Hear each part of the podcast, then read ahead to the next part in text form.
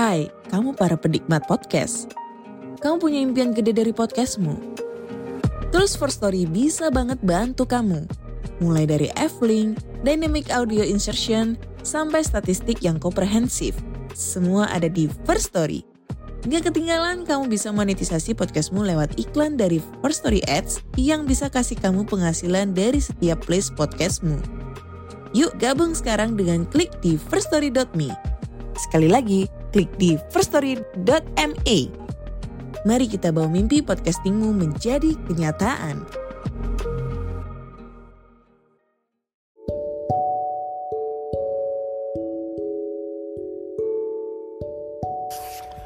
Halo semuanya, kembali lagi bersama saya Erdinsyah Mahendra, your book reader. saya akan melanjutkan buku Criminal Mind, The Book of Serial Killer, karya Daud Antonius yang membahas profil, profil psikologis para pembunuh berantai. Nah, sebelumnya saya sudah membacakan tentang kisah Ted Bundy, seorang pembunuh ya pembunuh serial killer lah pembunuh berantai yang apa ya yang tampan mempesona gitu katanya dia tuh sangat mempesona tuturnya halus pembunuh yang kejam namun mempesona. Nah berikutnya adalah John Wayne Gacy si badut pembawa kematian. Wih kayak Joker ya. Namanya juga Wayne kayak Bruce Wayne. Tokoh Batman. Jangan-jangan terinspirasi dari sini ya. Saya nggak ngikutin soalnya. Oke, profil John Wayne Gacy. Nama lengkapnya adalah John Wayne Gacy. Lahir 17 Maret 1942. Wow. Saya 16 Maret. Tapi di 1942, 3 tahun sebelum Indonesia merdeka. Meninggal 10 Mei tahun 1993 pada usia 52 tahun. Dihukum melalui suntik mati. Tuduhannya adalah penculikan, pemerkosaan, pembunuhan, orientasi penyuka sesama jenis atau gay. Ah, tinggal di luar negeri juga pada saat itu gay juga apa ya sangat tidak diterima lah kayak Indonesia sekarang. Uh, sedangkan yang lesbian, uh, kayaknya diterima-terima aja. Kenapa? Karena laki-laki suka. Gimana tuh? Ya udah. Oke, jumlah korbannya 33 orang remaja. Profil korban remaja dan anak di bawah umur. Semuanya adalah laki-laki. Lokasi pembunuhan Illinois, Amerika Serikat. John Wayne John Wayne Gacy punya sebuah apa ya? Uh, kalimatnya dikutip dalam buku ini ya dia berkata the dead won't bother you it's the living you have to worry about kok kaku banget ya the dead won't bother you. It's the living you have to worry about. Uh, kematian tidak apa ya bother you. Bother itu apa ya? Itulah. Uh, it's the living you have to worry about. Jadi kehidupan yang harus kita khawatirkan gitu. kalau kematian ya nggak bakal gangguin kamu dah gitu. Kematian tuh nggak bakal ganggu kamu. Tapi kehidupan nih yang harus kita khawatirin. Gitu katanya. Oke. okay berarti dia merasa anu ya merasa uh, merasa sangat merasa menjalankan tugas suci gitu ngebunuh anak-anak ini gitu. Supaya mereka tidak perlu hidup dalam ya karena kehidupan itu sesuatu yang sangat buruk lah menurut dia gitu. menurut dia ya. Padahal sebagai ya seba, apa padahal bagi sebanyak banyak orang kehidupan adalah hal yang ya anugerah lah yang harus kita syukuri. Apalagi sebagai seorang muslim Pogo si Badut adalah julukannya. Merupakan karakter yang diciptakannya dalam beberapa acara sosial seperti pesta anak, pengumpulan dana amal, dan parade. Tapi, siapa sangka, penebar senyuman juga adalah seorang pembawa kematian. Ia terlihat terhormat dan bahagia di luar, namun membusuk di dalam. Masa kecil yang kelam. Sebelum dikenal sebagai killer clown atau badut membunuh, John Wayne Gacy adalah seorang anak yang tumbuh dengan penuh tekanan. Ia lahir dengan darah Polandia dan Denmark. memiliki seorang ayah pecandu alkohol berat yang sering kali melakukan tindakan kekerasan seperti pemukulan terhadap dirinya, saudara kandung dan ibunya. Dalam berbagai wawancara, Gessi menyatakan bahwa ayahnya sering memanggilnya dengan sebutan bodoh, memukulnya dengan sabuk kulit. Ia berusaha tidak pernah menangis ketika menerima setiap pukulan. Bahkan, pernah suatu ketika tertangkap melakukan kenakalan saat masih kecil. Ia dipukul hingga pingsan oleh ayahnya. Ibunya kemudian berusaha untuk melindunginya, namun ia malah mendapatkan julukan anak mami dan banci karena dibela oleh ibunya. Masa remaja dan bullying. Sejak kecil, Yesi memiliki badan yang gemuk dan kondisi jantung yang lemah sehingga tidak bisa banyak melakukan kegiatan fisik, terutama olahraga. Ia juga sering pingsan dan dirawat. Ia juga sering pingsan dan dirawat di rumah sakit Awalnya ayahnya mengira Gessi berpura-pura untuk mendapatkan simpati. Barulah setelah bertahun-tahun kemudian, terungkap bahwa ada gumpalan darah di otak akibat pemukulan yang dilakukan oleh ayahnya. Ia juga sering kali menjadi korban bully tanpa alasan. Dari keterangan beberapa temannya, saat itu Gessi menjadi korban bullying karena tidak pernah melakukan perlawanan. Mirip Joker versi yang terbaru ya, yang siapa sih uh, aktornya aduh lupa oke okay. Jesse juga pernah mendapatkan pelecehan seksual dari teman ayahnya, namun dia tidak pernah memberitahukan itu kepada siapa pun karena takut kena hukuman. Barulah ketika ia menjalani pemeriksaan psikologis saat dewasa, hal ini terdeteksi. Menurut beberapa profiler ini adalah salah satu momen awal yang menjadikan Jesse seorang biseksual. Pekerjaan dan pendidikan awal. Karir John Wayne Gacy dimulai ketika ia menjadi aktivis di partai politik. Ia juga dikritik oleh ayahnya karena pilihan tersebut. Gacy sendiri yang menyatakan bahwa keputusannya masuk ke dalam dunia politik sebagai cara untuk mencari penerimaan dan pengakuan dari orang lain ketika ayahnya tidak dapat mewujudkannya. Gacy tidak pernah membalas perlakuan buruk yang dilakukan oleh ayahnya. Ia pernah meninggalkan rumah karena marah besar. Ia pergi ke Las Vegas dan mendapat pekerjaan sebagai petugas ambulan. Selain petugas ambulan, ia juga sering mendapatkan tugas jaga di kamar mayat dan sering melihat para petugas yang sedang melakukan proses pengawetan pada jenazah. Dalam pengakuannya, ia pernah memeluk dan membelai mayat seorang remaja laki-laki selama ada di pekerjaannya. He's sick. Ia menyesali pengalamannya tersebut dan sampai akhirnya ia berdamai lagi dengan ayahnya dan kembali ke rumah bersama dengan ibunya. Pernikahan dan karir. Walaupun tidak lulus dari SMA, Gessi berhasil mendaftar di Northwestern Business College dan lulus dari sana. Ia awalnya bekerja sebagai salesman di Nunbus Shoes Company dan kemudian dipromosikan sebagai manajer. Di perusahaan inilah ia bertemu dengan Marilyn Mayers yang kemudian menjadi istrinya. Setelah menikah, Gessi kemudian mengelola tiga restoran cepat saji, uh, yaitu KFC, milik ayah mertuanya, ia dikenal sebagai pribadi yang ambisius dan gila kerja. Diduga kuat, ia melakukannya untuk mendapatkan pengakuan dari orang sekelilingnya. Ia juga aktif di berbagai organisasi. Istrinya melahirkan dua orang anak yaitu Michael yang lahir pada bulan Februari 1966, wow, dan Christine pada bulan Maret 1967. Pada tahun-tahun inilah, Gessi mulai menikmati hidup dan merasakan kesempurnaan dalam keluarganya. Pada tahun 1966, ayahnya meminta meminta maaf pada Gessi atas setiap perlakuan buruk yang diterimanya ketika kecil. Pengalaman seksual yang berlanjut Selain trauma dilecehkan ketika kecil dan pengalaman membelai mayat ketika bekerja di ambulan, Gessi menyatakan pernah mengalami pengalaman hubungan sama jenis ketika sedang mabuk. Ia melakukan hubungan tersebut bersama dengan rekannya di salah satu organisasi sosial yang diikutinya. Dalam beberapa dokumentasi juga menyatakan bahwa di balik kehidupan keluarga yang terlihat sempurna, Jesse sebenarnya terlihat uh, dalam beberapa kebiasaan buruk seperti penggunaan narkoba, pornografi, prostitusi, dan kegiatan swinger atau hubungan seksual pertukaran istri. Oh my god. Ia juga diketahui memiliki klub rahasia di basement ia mengizinkan para karyawannya untuk minum alkohol dan bermain biliar di sana. Ia membujuk banyak laki-laki muda untuk melakukan hubungan seksual dan jika ditolak atau dilaporkan, ia mengungkap bahwa ajakannya itu hanyalah candaan atau ujian moral. Sepele sekali.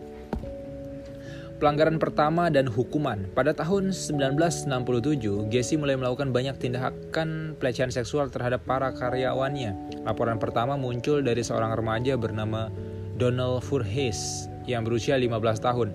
Ia menyatakan ia dipaksa meminum alkohol yang banyak dan mengalami pelecehan seksual dari Gessi. Beberapa remaja juga berhasil ditipu dengan menyatakan bahwa Gessi sedang mengadakan penelitian ilmiah terkait perilaku homoseksual dan mereka diberikan uang 50 dolar untuk ikut dalam eksperimennya. Bukti tidak cukup kuat untuk mengangkat kasus tersebut. Tahun berikutnya, ada dua orang lagi yang melaporkannya dengan tindakan yang sama. Gessi kemudian membayar seorang pemuda lain untuk memukuli pemuda yang melaporkannya dan mengancam agar tidak bersaksi. Namun, pelaku pemukulan itu berhasil ditangkap polisi dan mengaku bahwa ia adalah orang suruhan Gessi. Hukuman 10 tahun penjara akhirnya dijatuhkan pada tanggal 3 Desember 1978. Istrinya pun meminta cerai di tanggal yang sama. Ia pun resmi bercerai dengan istrinya pada 18 September 1969. Kok 69? Dia kan mendapat hukuman 10 tahun penjara itu tanggal 3 Desember 1978. Istrinya pun meminta cerai di tanggal yang sama. Ia pun resmi bercerai dengan istrinya pada 18 September 1969. Mungkin maksudnya 1979, oke. Okay. Ketika dalam tahanan, Gessi mengikuti banyak kursus. Ia juga dikenal berkelakuan baik dan bisa beradaptasi dengan sangat baik. Di sana ia diangkat sebagai kepala juru masak penjara. Selain itu, ia juga bertugas mengawasi pembangunan taman rekreasi dan taman lapangan golf dalam penjara. Tepat di hari Natal 1969, ayah Gessi meninggal. Ia tidak diberitahu hingga dua hari setelahnya. Ia kemudian shock dan menangis dengan sangat kuat. Ia tidak bisa menghadiri pemakaman ayahnya karena permintaan dispensasinya ditolak oleh pihak penjara. Meskipun ayahnya banyak melakukan tindakan kekerasan fisik dan verbal kepadanya, Gessi sangat menyayangi ayahnya, seperti ada pergolakan batin dan konflik internal dalam dirinya antara sangat membenci dan mencintai ayahnya sendiri. Setelah menjalani hukuman penjara 18 bulan, atas alasan berkelakuan baik, Gessi mendapatkan bebas bersyarat pada tanggal 18 Juni 1970. Ia kemudian pindah ke ia kemudian pindah ke Chicago, Chicago, gimana sih bacanya? ke tempat ibunya, ia mendapatkan pekerjaan sebagai juru masak dan memulai bisnis baru sebagai kontraktor independen. Pogo si badut, pembawa kematian. Bisnis Gessi berkembang cukup pesat. Ia banyak menangani proyek pembangunan, pemeliharaan gedung, dan lainnya. Ia juga dikenal sangat sosial, suka membantu dan ramah pada tetangga. Ia sering kali menjadi tuan rumah berbagai kegiatan sosial dan amal. Selain itu, ia juga tetap aktif dalam dunia politik sebagai simpatisan. Atas berbagai kontribusinya, ia mendapatkan kesempatan untuk bertemu dan berfoto bersama ibu negara saat itu, Rosalind Carter, istri dari Jimmy Carter, Presiden Amerika Presiden Amerika pada tahun 1977. Pengganti John F. Kennedy bukan ya?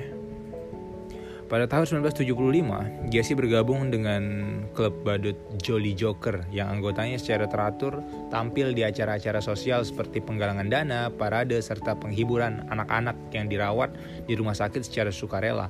Ia juga memiliki alter ego, badut yang diberi nama Pogo the Clown ia juga merancang kostum yang be dan belajar merias sendiri. Ia cukup populer karena aktif tampil di berbagai acara sosial dan juga partai politik pada saat itu. Belakangan, setelah kasus pembunuhan yang dilakukannya beredar, komunitas badut menyoroti bentuk mulut pogo yang runcing dan terkesan agresif, berbeda dari badut pada umumnya. Perceraian kedua dan pengakuan biseksual. Pada suatu ketika, Gessi memberitahukan pada istrinya bahwa ia adalah seorang biseksual yaitu penyuka perempuan dan juga laki-laki. Ia pun mulai banyak beralasan kerja lembur setelahnya istrinya mengamati bahwa Gessi sering pulang larut malam dan membawa remaja laki-laki ke garasi mereka. Istrinya juga sering menemukan pornografi bertema homoseksual di dalam rumah mereka. Akhirnya, mereka merasa tidak nyaman lagi dan dengan perilaku Gessi. Mereka sepakat akan bercerai pada tahun 1976 kasus besar yang terungkap. Pada tanggal 11 Desember 1978, seorang pemuda bernama Robert Jerome Peace dilaporkan hilang. Ia terakhir kali berbicara dengan Gessi mengenai pekerjaan renovasi sebuah apotek, lalu kemudian tidak pernah kembali. Polisi kemudian melakukan penyelidikan. Walaupun Gessi menyangkal semua tuduhan, polisi tetap menaruh curiga apalagi melihat catatan kriminal Gessi yang pernah terlibat dalam kasus pelecehan seksual terhadap remaja pria. Polisi sempat melakukan penggeledahan namun uh, dan menemukan beberapa barang bukti, tapi tidak cukup kuat untuk menjerat Gessi ke dalam tuduhan yang serius. Di tanggal 16 Desember 1978, Gessi mencoba ramah dan menjalin hubungan dengan detektif maupun polisi yang melakukan penyelidikan terhadap dirinya. Ia bahkan semenjak itu beberapa kali mengundang mereka untuk makan di restoran, minum di bar, dan juga tidak segan mengunjungi rumahnya. Hal ini mungkin dilakukan Gessi untuk meminimalisir kecurigaan. Bahkan, pernah dalam suatu percakapan informal dengan dua detektif yang diundangnya untuk makan, Gessi menceritakan tentang bisnis, pernikahan, dan aktivitasnya sebagai badut. Ia pun memutar ia pun mengutarakan, Badut bisa lolos dari tuduhan pembunuhan. Sebuah pernyataan yang cukup berani ya. Harusnya kedua detektif itu udah udah ngeh lah ya. Tinggal cari bukti aja. Detektif yang menangani Jesse juga mendapatkan banyak laporan pemuda yang hilang dengan profil yang sama yaitu pernah terlibat dalam pekerjaan dengan Jesse. Setelah mendapatkan beberapa keterangan, saksi dan bukti yang cukup kuat, akhirnya penggeledahan yang kedua dilakukan. Berbeda dengan penggeledahan pertama di mana suasana rumah dingin, kali ini suasana yang cukup panas memunculkan beberapa bau busuk yang berasal dari bawah lantai rumah. Akhirnya, polisi menggali bagian bawah rumahnya yang dan menemukan mayat korban pembunuhan yang dilakukan oleh Jesse. Gessi kemudian sadar bahwa penangkapannya tidak bisa dihindari. Ia juga sempat mengaku kepada pengacaranya sehari sebelum penangkapan bahwa ia telah melakukan setidaknya 30 pembunuhan. Selama jam terakhir kebebasannya, Gessi sempat mengunjungi beberapa teman dekat untuk mengucapkan salam perpisahan. Ia juga diduga sempat ingin melakukan tindakan bunuh diri sebelum pada akhirnya ditangkap oleh polisi untuk diamankan. Pembunuhan pertama yang dalam tanda petik nagih. Dalam sebuah wawancara, Gessi mengungkap bahwa korban pertamanya adalah Timothy Jack McCoy, seorang pemuda berusia 16 tahun yang ia bunuh tanpa sengaja dan tanpa direncanakan. Awalnya, Timothy dan Gessi bertemu di terminal bus Chicago. Chicago, Chicago, Chicago, Chicago. Oke. Okay. Gessi mengajak Timothy ke rumahnya dan berjanji untuk mengantarnya ke terminal keesokan harinya. Namun, keesokan harinya, Gessi mendapati Timothy berdiri di depan pintu dengan memegang sebuah pisau. Karena merasa terancam, Gessi pun langsung menyergap Timothy, melukai tangannya dan membenturkan kepalanya ke dinding. Timothy melakukan perlawanan tapi Gessi berhasil mengalahkannya dan menusuknya berkali-kali hingga tewas. Namun ternyata setelah membunuh, Jesse baru menyadari bahwa Timothy tidak bermaksud mencelakainya. Di dapur ditemukan sarapan yang dibuat Timothy berupa telur dan sepotong daging yang sedang diiris. Timothy ternyata ingin membangunkan Jesse namun ia masih memegang pisau yang digunakannya untuk memasak. Jesse yang berprasangka buruk melakukan pembunuhan saat itu. Ia menguburkan Timothy di bagian bawah rumahnya dan dalam sebuah laporan Jesse menyatakan ia merasakan sensasi yang luar biasa. Setelah membunuh dan ia menyatakan bahwa kematian juga membuatnya terangsang modus dalam melakukan kejahatan. Pertama, dengan menculik para remaja pria yang bertemu dengannya di stasiun kereta dan atau terminal bus. Para korban biasanya dipercayai terlebih dahulu dengan membuatnya percaya terhadap Jesse. Kemudian, modus lainnya adalah dengan berpura-pura menjadi petugas kepolisian. Ia sering membawa lencana polisi di malam hari dan membawa senter untuk menyergap para korbannya di malam hari. Cara ketiga yang juga dilakukan Gessi dalam memuluskan kejahatannya adalah dengan menawarkan pekerjaan kepada para pemuda dengan bayaran yang tinggi pada bagian konstruksi. Ia kemudian uh, menculik dan memperkosa mereka. Sebelum dibunuh, para korban biasanya diikat, dilecehkan dan juga disiksa secara seksual. Kebanyakan korban juga ditenggelamkan di bak mandi lalu kemudian dibunuh dengan cara dicekik. Setelah meninggal mereka disembunyikan di bagian bawah rumah atau garasi.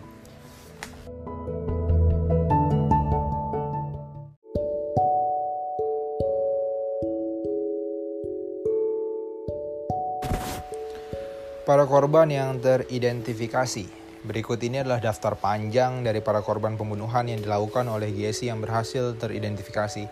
Para korban rata-rata adalah remaja laki-laki yang ditemukan di jalan, pernah menjadi karyawannya atau yang pernah ditawari pekerjaan.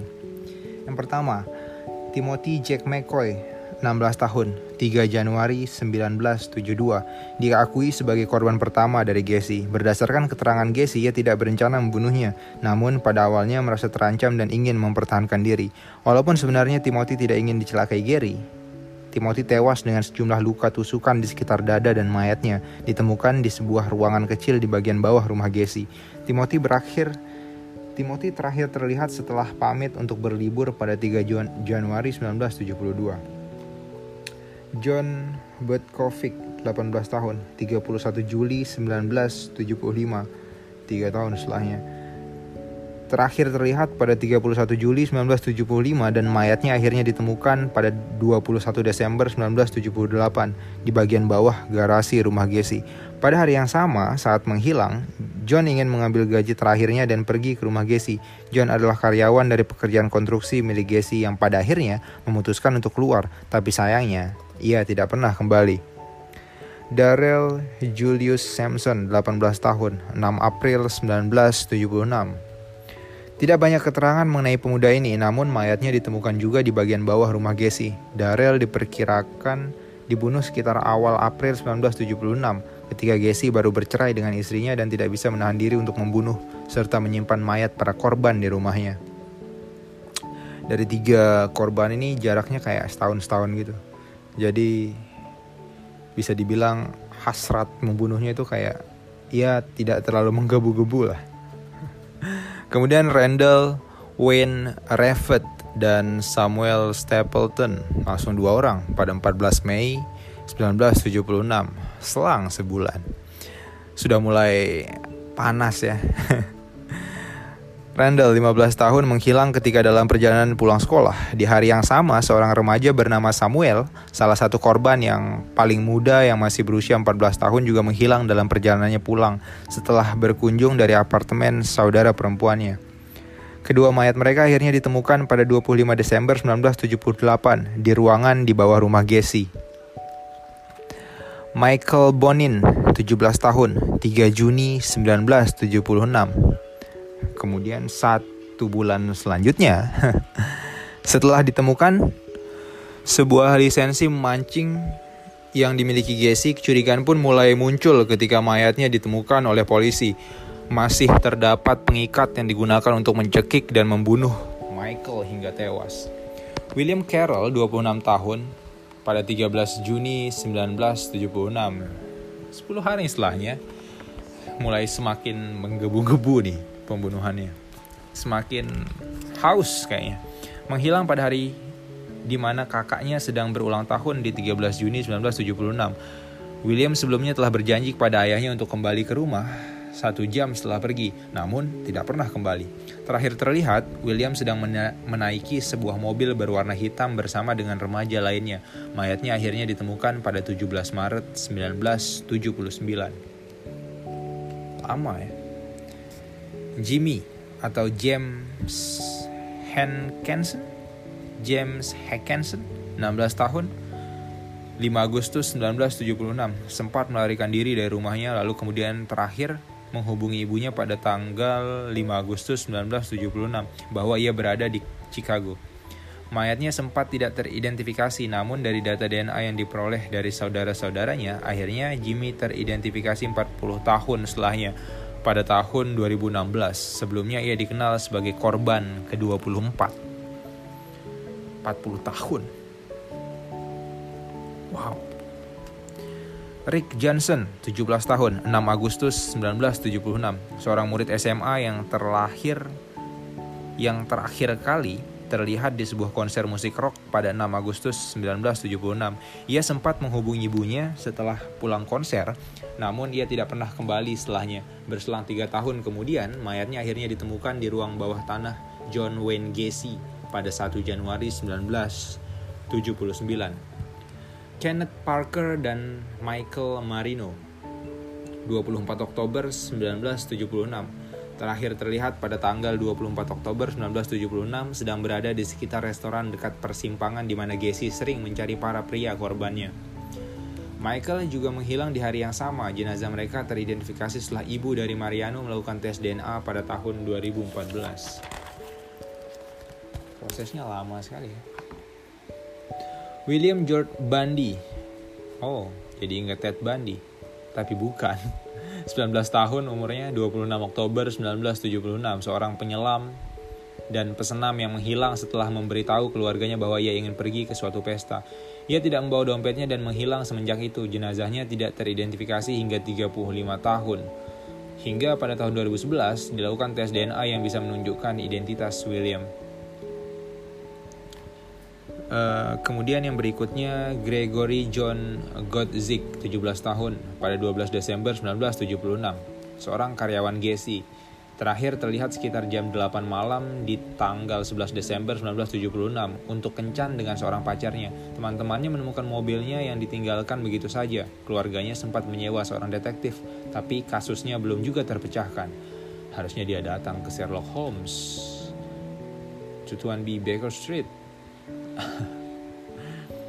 Pacar Gregory pernah menanyai Jesse mengenai hal ini dan Jesse menyatakan bahwa Gregory Gregory Gre Gregory Gregory Greg Greg Greg oke okay, Greg memutuskan untuk kabur dari rumah mayat dari rumah mayatnya kemudian ditemukan di rumah Jesse pada Januari 1979 kemudian ada John Allen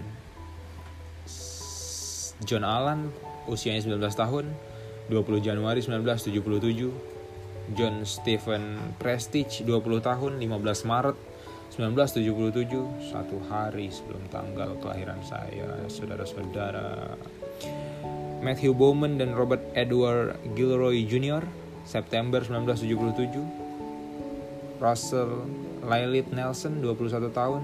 John Anthony Maury 19 tahun. Robert Winch 16 tahun. Tommy Joe Bowling 20 tahun.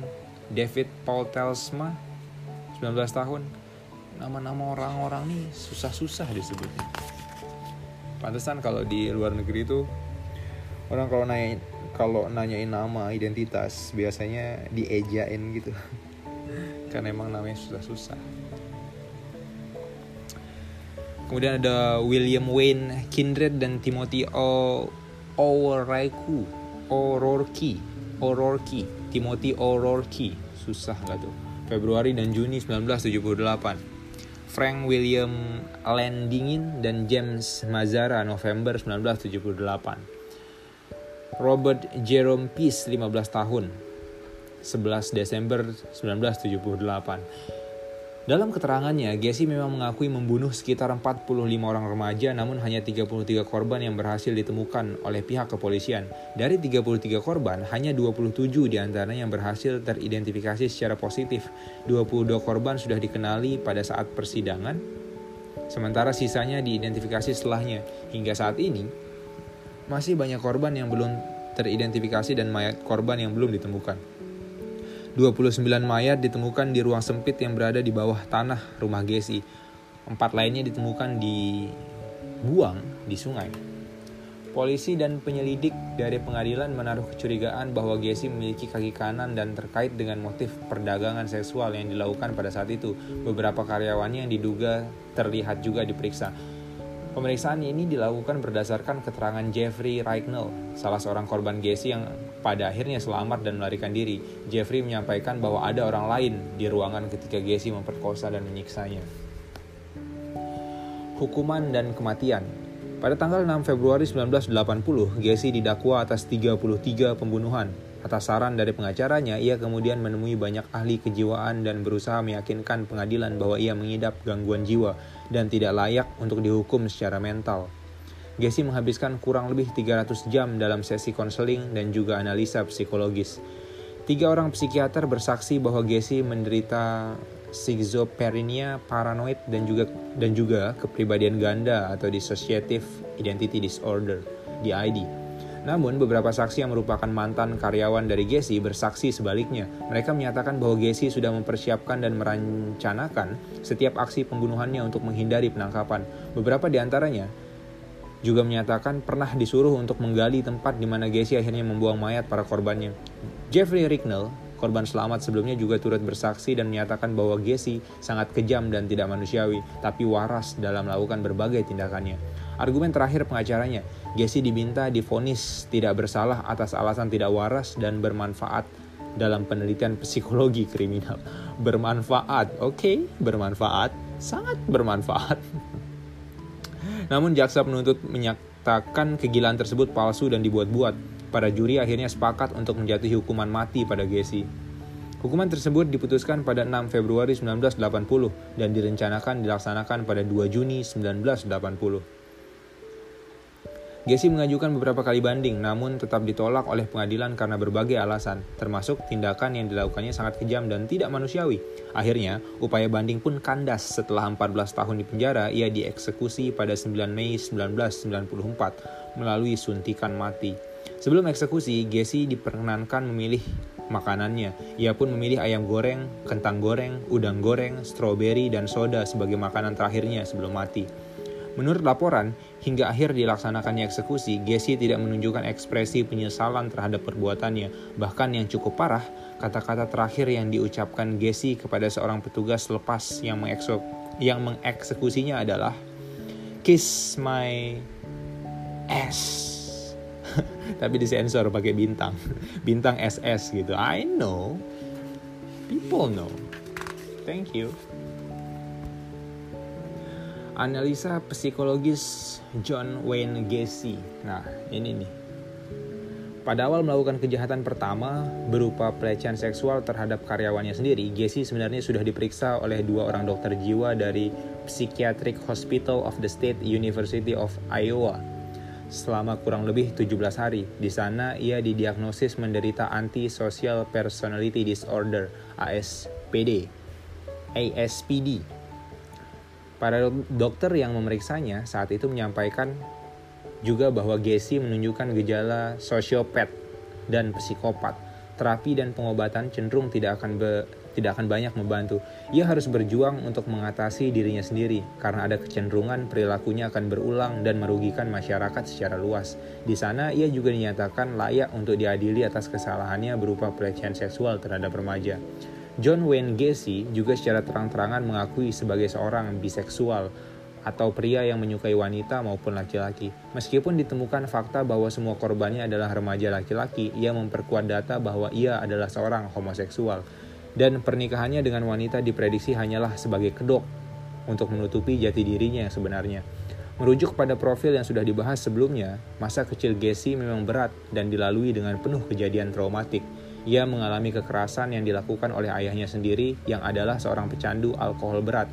Di sisi lain, ia juga menyaksikan berbagai tindakan kekerasan yang dilakukan oleh ayahnya terhadap ibu dan para saudaranya. Pemukulan dan kekerasan juga berdampak cukup berat bagi fisik maupun mentalnya. Jesse bahkan mengalami kejang dan beberapa kali dilarikan ke rumah sakit. Ketika kecil, ia tidak pernah dipaksa secara medis. Ketika kecil, ia tidak pernah diperiksa secara medis. Jadi ayahnya selalu menuduh Gessi memalsukan penyakitnya. Gessi juga mengalami bullying di sekolah pada saat remaja. Hal ini disebabkan masalah obesitas dan juga lemah jantung. Ia tidak bisa berinteraksi layaknya anak normal pada umumnya. Pada masa sebelum sidang terakhirnya, Gessi menghabiskan lebih dari 300 jam menjalani tes psikologis untuk menentukan apakah ia layak secara mental untuk diadili. Ia juga berusaha meyakinkan para dokter bahwa ia memiliki kelainan kepribadian ganda dan skizofrenia paranoid. Namun sampai pada akhirnya persidangan, namun sampai pada akhir persidangan, ia dinyatakan waras, kompeten, dan bertanggung jawab atas semua perbuatan yang dilakukannya. Setelah eksekusi mati, seorang forensik psikiater Dr. Helen Morrison yang juga sempat mewawancarainya diminta memeriksa otak Gessi secara medis melalui pembedahan. Namun dalam hasilnya, otak Gessi tidak menunjukkan kelainan khusus. Ia dianggap normal seperti manusia lain pada umumnya. Berarti dia jenius. Bisa merancang itu semua. Wow. Antisocial Personality Disorder (ASPD). Sama seperti Ted Bundy pada episode sebelumnya, pembunuh berantai yang profilnya kita sudah bahas di bab sebelumnya.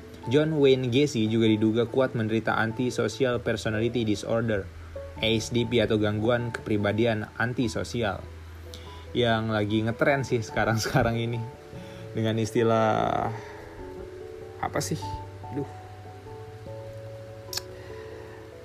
Apa ya? How can I forgot that? Apa sih istilahnya? Gangguan kepribadian antisosial? Ah itu si Indira Indira itu. Apa sih? Aku nggak bisa lanjut nih kalau nggak inget nih. Uh, Introvert. Ya, saya introvert. introvert. Antisosial. Ya ampun, introvert susah banget nyebutnya. Oke, lanjut.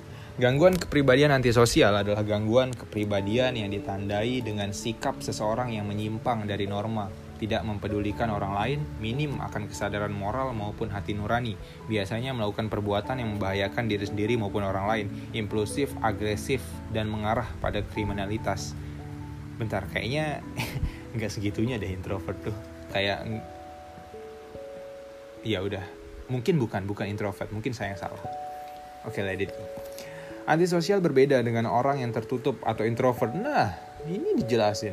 Bego. Introvert merujuk kepada cara seseorang menerima energi. Mereka lebih menyukai kesendirian dan juga kontemplasi diri, sedangkan antisosial memiliki beberapa ciri spesifik dan berpotensi melakukan berbagai tindakan buruk. Nah, itu bedanya introvert dengan antisosial. Oke? Okay? Berikut ini adalah beberapa ciri antisosial Personality Disorder (ASPD) menurut buku pedoman gangguan jiwa diagnostik and Statistical Manual of Mental Disorder. Yang pertama, egocentralism. Harga diri yang berasal dari keuntungan pribadi untuk kesenangan diri, kepuasan pribadi, adanya kegagalan menyesuaikan diri dengan norma, etika, dan hukum yang berlaku. Non-empati. Itu yang kedua. Kurangnya kepedulian terhadap orang lain, kurang menyesali atas perbuatannya yang menyakitkan bahkan merugikan orang lain. Tidak bisa secara ideal menjalani kedekatan dengan orang lain. Biasanya menggunakan paksaan, tipu daya, dominasi, maupun intimidasi. Yang ketiga, antagonisme. Kepribadian patologis yang penuh manipulatif, rayuan, pesona, sering kali menggunakan tipu daya, kebohongan, dan penipuan. Ada juga indikasi kemarahan yang tiba-tiba, pendendam, kejam, sadis terhadap orang lain. Dan yang keempat atau yang terakhir, disinhibition. Disinhibition. Tidak bertanggung jawab, mengabaikan kewajiban, janji, dan juga komitmen yang telah dibuat. Cenderung impulsif atau bertindak serta mengambil keputusan berdasarkan emosi saat suka terlibat dalam tindakan berbahaya. Penyebab dari gangguan ini sangat kompleks. Beberapa di antaranya Beberapa di antaranya terkait dengan genetik, riwayat keluarga dengan gangguan jiwa, fisiologis, uh, neurotransmitter, testosteron yang tinggi menyebabkan seseorang menjadi agresif, apalagi dibarengi dengan kadar serotonin yang rendah. Ada juga faktor lain seperti lingkungan yang akrab dengan kekerasan, menjadi korban penganiayaan, ditelantarkan, atau dieksploitasi. Jika kita akrab dengan istilah psikopat atau sosiopat, maka kebanyakan dari ciri pelakunya terdapat pada antisocial personality disorder (ASPD). Rata-rata mereka dengan ASPD juga memiliki tingkat kecerdasan yang baik. Oleh karena itulah mereka dapat memanipulasi orang lain ataupun merencanakan beberapa jenis kejahatan, tindakan kriminal dalam rangka memenuhi kepuasan pribadinya. Dalam rangka memenuhi kepuasan pribadinya. Antisocial Personality Disorder ASPD adalah salah satu gangguan kepribadian yang paling sulit diobati. Meskipun mereka diberikan terapi konsultasi maupun obat-obatan, akan ada kecenderungan untuk mengulangi kembali tindakannya yang merugikan. Mereka sangat tergoda untuk memanipulasi orang lain, berbohong maupun menguntungkan diri sendiri yang membuatnya parah. Yang membuatnya parah juga adalah ketidakmampuan menyelesaikan setiap masalah ataupun tindakan merugikan yang telah dilakukannya. Subtype Antisocial Personality Disorder. Uh, Theodore Milon, seorang psikolog dari Amerika yang secara khusus meneliti mengenai gangguan kepribadian, membagi SPD dalam beberapa tipe. Yang pertama, nomadic antisocial, biasanya termasuk uh, schizoid dan avoidant. Biasanya adalah gelandangan, nomaden, pengembara, dan juga pengemis dengan modus tertentu yang direncanakan. Yang kedua, malevolent antisocial, biasanya termasuk sadistik dan paranoid. Kategori ini berbahaya karena di dalamnya ada pembunuh, berantai, penjahat, orang yang tidak berperasaan, pelaku kriminal, mereka yang menginginkan balas dendam. Berbahaya. Nomor tiga, Covetus antisocial biasanya termasuk perasaan pasif agresif disorder, biasanya termasuk orang-orang tamak, serakah, iri hati, mendominasi, mengambil keuntungan dari orang lain dengan berbagai cara. Ya, kayak kayak ah, nggak mau ngomong ah. Risk taking antisocial biasanya termasuk histrionic, histrionic personality disorder, histrionic antisosial yang pemberani dalam melakukan segala sesuatu demi keinginannya. Yang kelima dan juga yang terakhir, reputation defending antisocial biasanya termasuk narsistik, terlalu mencintai dan mementingkan diri sendiri, sensitif terhadap penghinaan.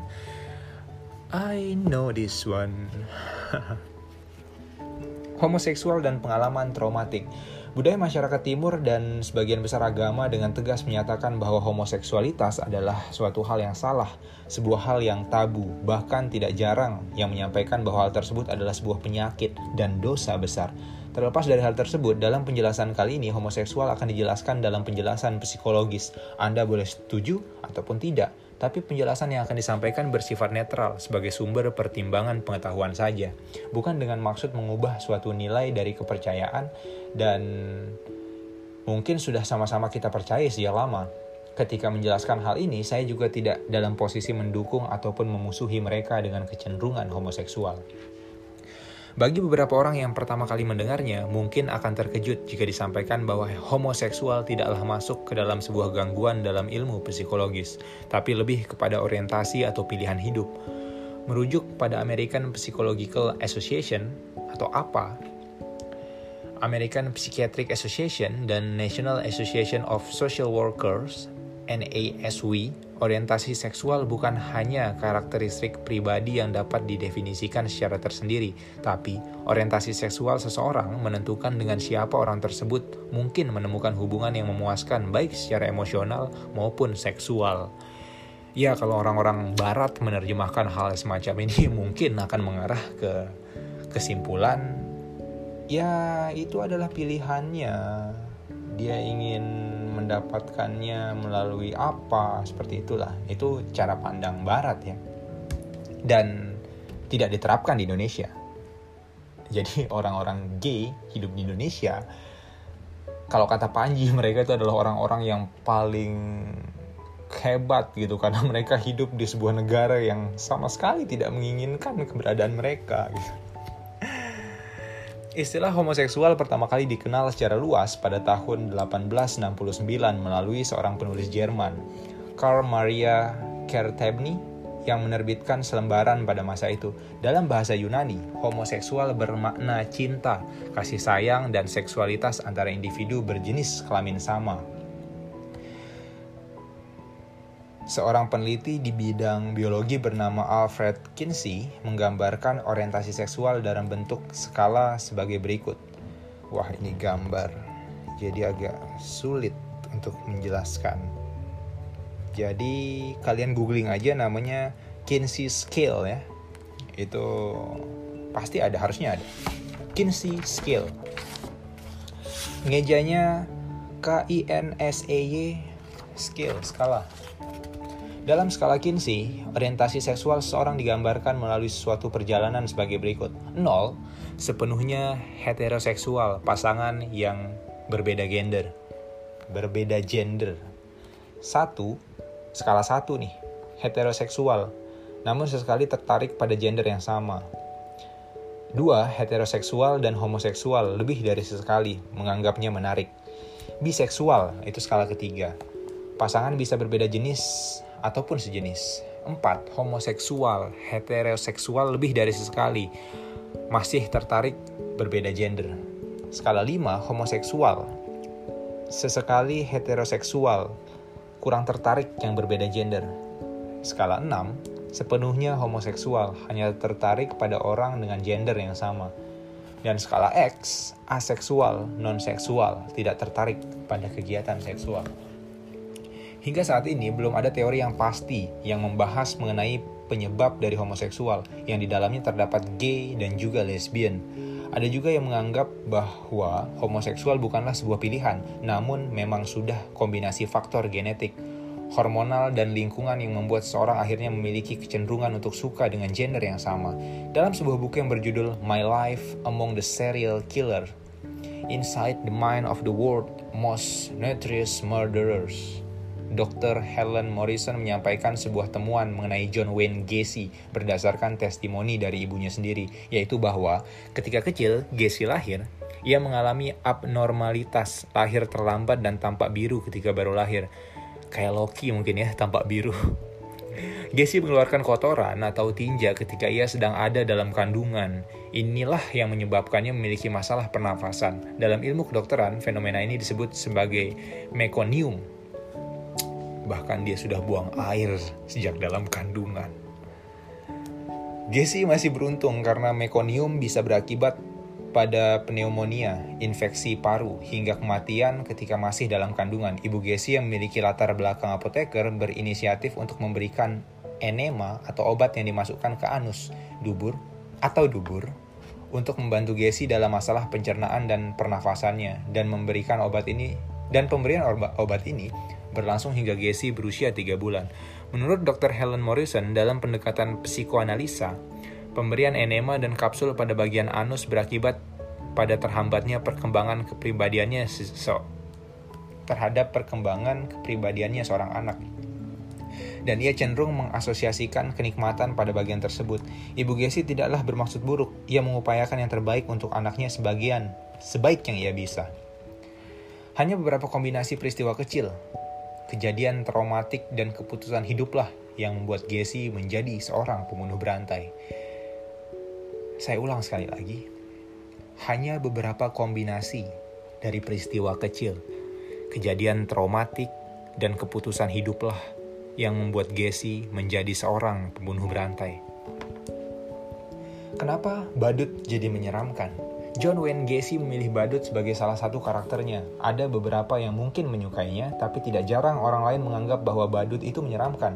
Bahkan, memunculkan pengalaman traumatik hingga fobia, ketakutan irasional terhadap badut yang disebut sebagai coulrophobia. Banyak dari anak-anak kecil dan juga orang dewasa yang memiliki kengerian yang luar biasa ketika melihat sosok badut, apalagi ditambah dengan popularitas tokoh Pennywise badut mengerikan dari novel dan film IT, dan juga Joker, tokoh penjahat yang banyak melakukan hal-hal yang juga kejam.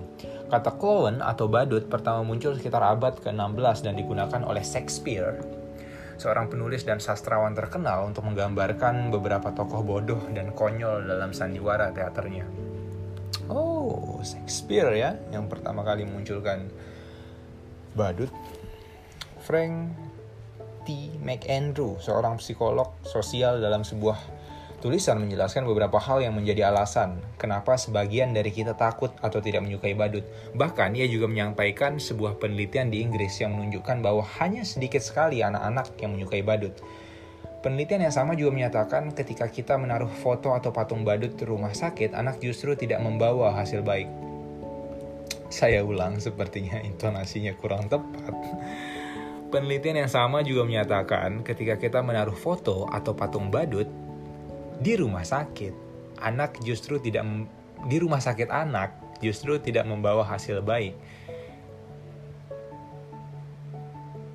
Penelitian yang sama juga menyatakan ketika kita menaruh foto atau patung badut rumah sakit anak justru tidak membawa hasil baik. Tidak heran, banyak orang yang tidak menyukai Ronald McDonald dan jika di Indonesia banyak anak kecil yang takut melihat ondel-ondel. Penelitian yang dilakukan dengan 1.341 relawan berusia antara 18 sampai 77 tahun mengungkap bahwa kita cenderung merasa takut atau ngeri terhadap hal yang terlalu ambigu. Maksudnya di sini adalah situasi atau tokoh yang membuat kita kebingungan yang tidak tahu bagaimana seharusnya bereaksi. Rami Neder adalah seorang psikolog asal Kanada yang meneliti kolorfobia, juga menyatakan bahwa rasa takut yang tidak rasional terhadap badut disebabkan oleh riasan wajah dan pakaian tidak wajar yang dikenakan untuk menyembunyikan jati diri dan perasaan orang di balik tokoh itu.